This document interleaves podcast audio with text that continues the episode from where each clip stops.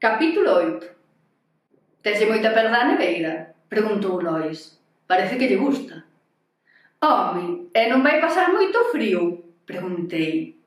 Lois colliume a cabeza cas mans e fíxome dar a volta a modo, en redondo, para que vise con atención os desperfectos. Si, ten razón, que se fastidie.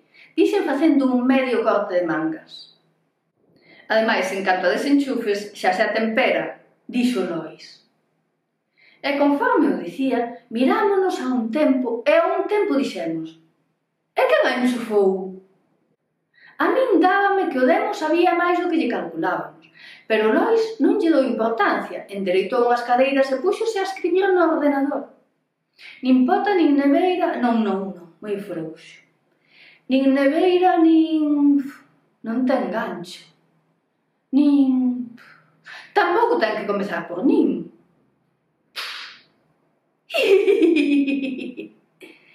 e como imos facer para que se meta dentro? Preguntei. Para iso é conxuro, respondiu moi seco, case enfadado, diría, pola interrupción do seu momento creativo. Dentro da neveira, dentro da neveira, dentro da neveira... O levo pasa a vida inteira, rematei. Non, rima pero non ten sentido, desbotou. A neveira branca o demos panta, ocorreuseme pero sea gris. Velou Lois sinalando a neveira. Ademais, ten que servir para encasquetarlle o demo a alguén. Lambón, lambonciño, quedas co trasniño? Saiu sen pensar. Sí, velou Lois emocionado. Baixei correndo á tenda de serigrafías que había rúa abaixo facer un imán xeitoso para poñer unha porta na neveira. Meter o demo dentro requeriu-nos máis calma. Unha vez pegamos o imán á porta, deixou de abrir e pechar, Fíxose un silencio e de súpeto o imán comezou a moverse. Abre a porta, dixo Lois polo baixo. Pero vai quedar detrás, susurrei eu. Está igual, xa virá, dixo el. Río demo movendo o imán. Abrín a porta cun movimento áxil provocado polo medo a que o demo me tocase ao querer agarrada tamén.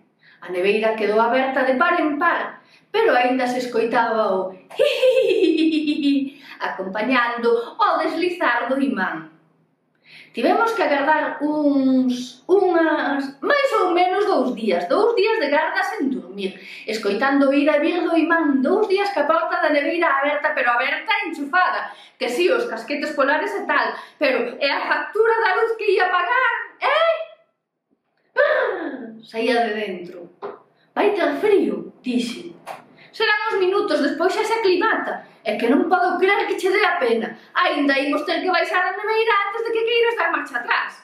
Rosmou mentre se empolaba a neveira cara á porta. Pum! Escoitábase dentro mentre se baixaba o ascensor. Arrimada ao colector quedou como mandaba o protocolo do abandono. Lois despediuse e eu subín ao piso cunha tristeza inexplicable.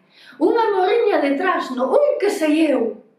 Tan grande era ese que sei eu que cando o ascensor chegou a oito, deille para baixo que a intención de recuperar a neveira co trasno dentro. Igual non o liberaba, igual só o tiña ali para que non pasase mal.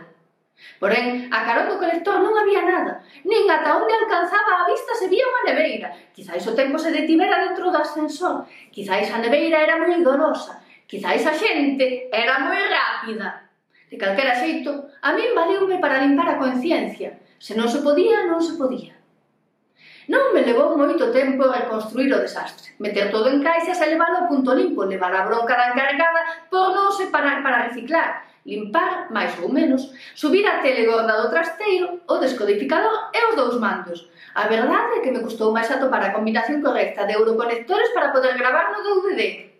Tampouco vou dicir que esquecera completamente o demo que me visitara. Naquelo que me dixera Lois de que me ia dar pena, levaba razón. Cada vez que escoitaba a palabra demo, ou trasno, ou unha risa pícara e maliciosa, escapábaseme un suspiro. Ah. E igual era cousa miña, pero cada vez escoitaba as máis a miúdo. Imos agora con noso compañeiro Omar García, que nos vai falar dun estrano suceso que... Creen vostedes nos fenómenos paranormais? Pareceralles cousa de encantamento. Din que a velas hainas. E así, ao longo de toda a parrilla televisiva da mañá, ca única excepción dos debuxos animados é a teletenda, porque se nos fallan os debuxos animados e a teletenda, a onde imos chegar? Igual, se non estivera tan sensibilizado co tema, pasaría de largo e baixaría a dar unha volta. Pero aquela visita indesixada desenvolvera en min unha atracción fatal cara ao inexplicable. Todos os programas da parrilla televisiva da mañá do día 17 de marzo falaban dun estrano suceso nun barrio da Coruña, nun edificio de cinco pisos sen ascensor. Todo comezou cando collemos a neveira da rúa, dixo a muller sinalando a súa neveira, a que antes era miña. Estaba carón dun colector. Nós non a roubamos, non tiña dono, dixo o home. Unha parella deixou na e despois marcharon por cada en seu lado, E esta xente nova, dixo a muller. Entón trouxeron a neveira, subiron ata aquí polas escaleiras. Dixo o mar referíndose a que eran bastante vellos para facer un esforzo semellante, inducíndonos a compaixón. E cando enchufaron, que pasou? Nada, Cando enchufamos non pasou nada, a neveira está nova, mire, nin unha raia está perfecta. Dixo a muller mostrando a neveira, abrindo a porta. Pero vostedes comezaron a notar cousas raras. Trataba de encamiñar a conversa ao tal Omar. Sí, pero despois, mire, traía este refrán pegado, dixo o vello dándolle o imán ao reporteiro. O reporteiro colleu o imán, mostrou na cámara e comezou a ler. Lambón, lamb... Non, non, non! Rou como monergúmena unha das colaboradoras desde o plató dos estudios centrais. Non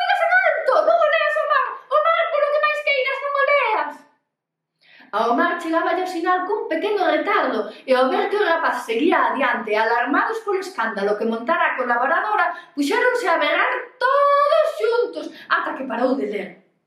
Outro dos entendidos dixo que seguramente non pasaría nada, porque este tipo de conxuros, unha vez conseguían o seu fin, deixaban de ter efecto.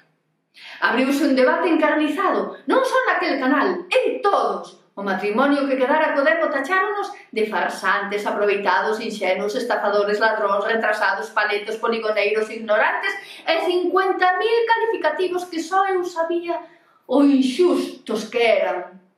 Solín os coitaros ¡Ah! que facían saltar o reporteiro e os de despois. O debate encarnizado seguía en todas as cadeas até que nunha delas non podo determinar en cal, porque a miña actividade como a distancia era frenética, non tanto como me gustaría, porque tiña que afinar moito co descodificador. E os nervios non me deixaban ser tan firme, ata que nunha delas recibir unha chamada dun suposto profesional. Eu fixen ese imán hai uns días, dixo o rapaz da tenda de serigrafía dous números máis abaixo. Suposto profesional, porque se fose un profesional real, había tela boca pechada. Supónse que entraba dentro do segredo clienta xerógrafo, se polo menos yo contara a policía.